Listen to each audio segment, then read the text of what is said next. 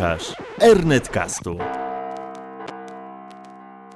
Na przestrzeni wieków pojęcie psiarza zmieniło się dość znacznie. Przecież nikt dziś nie należy do ludności służebnej zajmującą się hodowlą, tresurą czy prowadzeniem psów na potrzeby monarchów świeckich i książąt kościoła.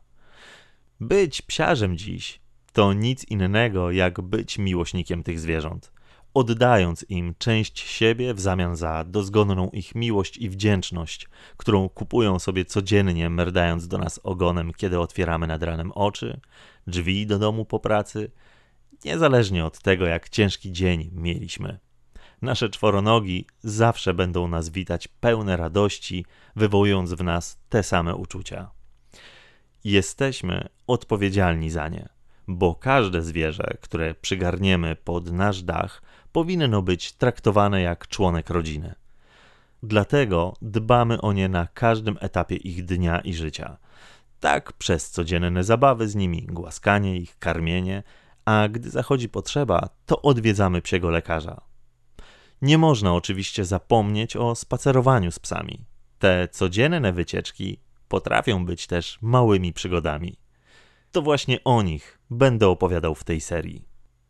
Mimo, że tak wiele mówi się w temacie sprzątania po swoich psach, to wydaje się, że wielu woli być głuchymi w tym temacie.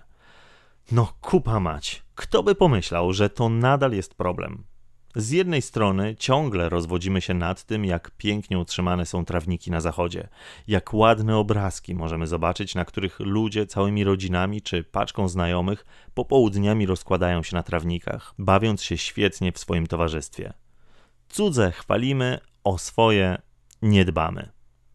U nas, zanim się człowiek odważy usiąść na jakikolwiek trawnik, obejdzie go bacznie, niczym pies, obserwując, czy w pobliżu właśnie nie był jakiś czworonóg, a dokładniej jego beztroski właściciel, który uważa, że.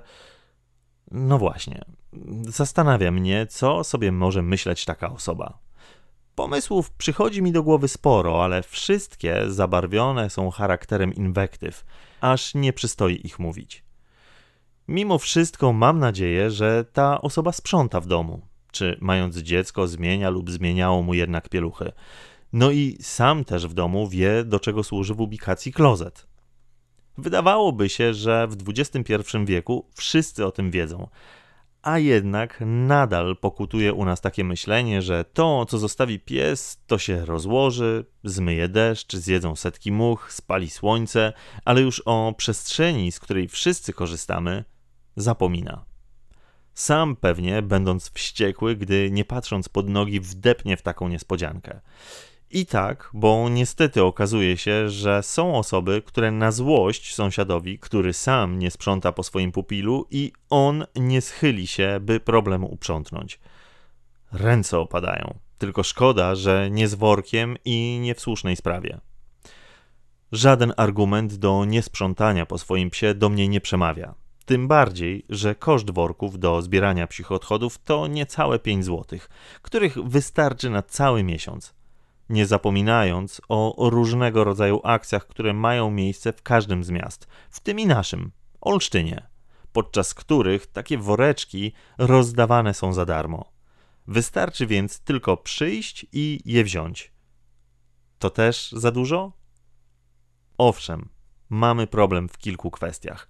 Edukacji, której wydaje mi się jest za mało plakaty i akcje społeczne, w tym reklamy telewizyjne, to niestety kropla w morzu psich odchodów.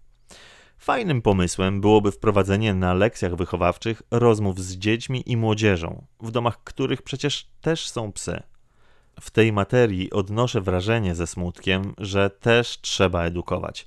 No ale za starym przysłowiem, czym skorupka za młodu nasiąknie, tylko szkoda, że do takich akcji trzeba przekonywać szanowne grono pedagogiczne. Mimo, że wiele ważnych kwestii jest już w szkołach poruszane, jak ekologia, pierwsza pomoc, ale sprzątanie po psach wydaje się być chyba bardziej wstydliwym tematem niż wychowanie seksualne, które w szkołach jest podejmowane. Można mieć słuszne też pretensje do władz miasta, które z jednej strony zachęca do akcji przez rozstawianie dystrybutorów z woreczkami, nawet nie wspomnę, że te bywają często i długo puste, ale już o koszach na te pełne nie ma mowy. Sam nieraz znalazłem się w sytuacji, gdzie radośnie machałem niepustym workiem przez dobrych set metrów do najbliższego śmietnika. Nie chcę tu mówić, że taki pokaz był edukacyjny dla innych, bo byłby to argument do niestawiania śmietników tam, gdzie ich rzeczywiście brakuje. Lub postawione są w takich miejscach, że woła to o pomstę do nieba. Zaraz na przykład przy klatkach wejściowych do bloków, zamiast przy pasie zieleni, co też sprawiłoby to, że nie byłyby one rozjeżdżane przez samochody, które często parkowane są w takich miejscach. Lepiej więc postawić tabliczkę, nie deptać trawników lub zakaz wyprowadzania psów. Tak, jakby to miało rozwiązać problem. Jeden na pewno rozwiąże. Psie odchody będą leżały centralnie na chodniku, umożliwiając nam je omijać za dnia. Godne to nagrody Darwina. Naszym patrolom najwyraźniej łatwiej ukarać kogoś, kto wyprowadzi psa na spacer i do tego wejdzie z nim na teren zielony, niż ukarać tego, kto nie sprząta po swoim psie. To w moim przekonaniu nic innego jak pójście na łatwiznę, które problemu nadal nie rozwiązuje. Szkoda, że nasi włodarze nie biorą przykładu z innych miast, gdzie patrole Straży Miejskiej w godzinach wczesnoporannych robią tak zwany nalot na losowo wybrane osiedla, dając tym samym do zrozumienia, że pilnowany jest w nich porządek, a za jego niedbanie można wystawić mandat. I oby nie był on mały. Zamiast tych tabliczek, które z góry nakładają kary na odpowiedzialnych właścicieli psów tylko dlatego, że ktoś nie dorósł do tego, by w pełni opiekować się swoim czworonogiem.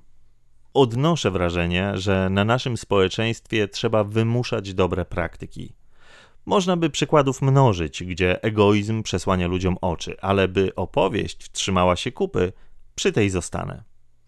Na nic zakazy i nakazy, ale na szczęście jest inna broń, która sprawnie działa, choć nie do końca potrafię się z tym pogodzić, że takiej trzeba używać. Nazywa się ona modą. Tak, jakby utrzymywanie porządku wokół siebie sprawiało, że jesteśmy tacy fajni. Bo trzeba pamiętać, że nasze to nie tylko mieszkania, domy i wokół nich obejścia, ale też parki, skwery, chodniki, ulice i uliczki.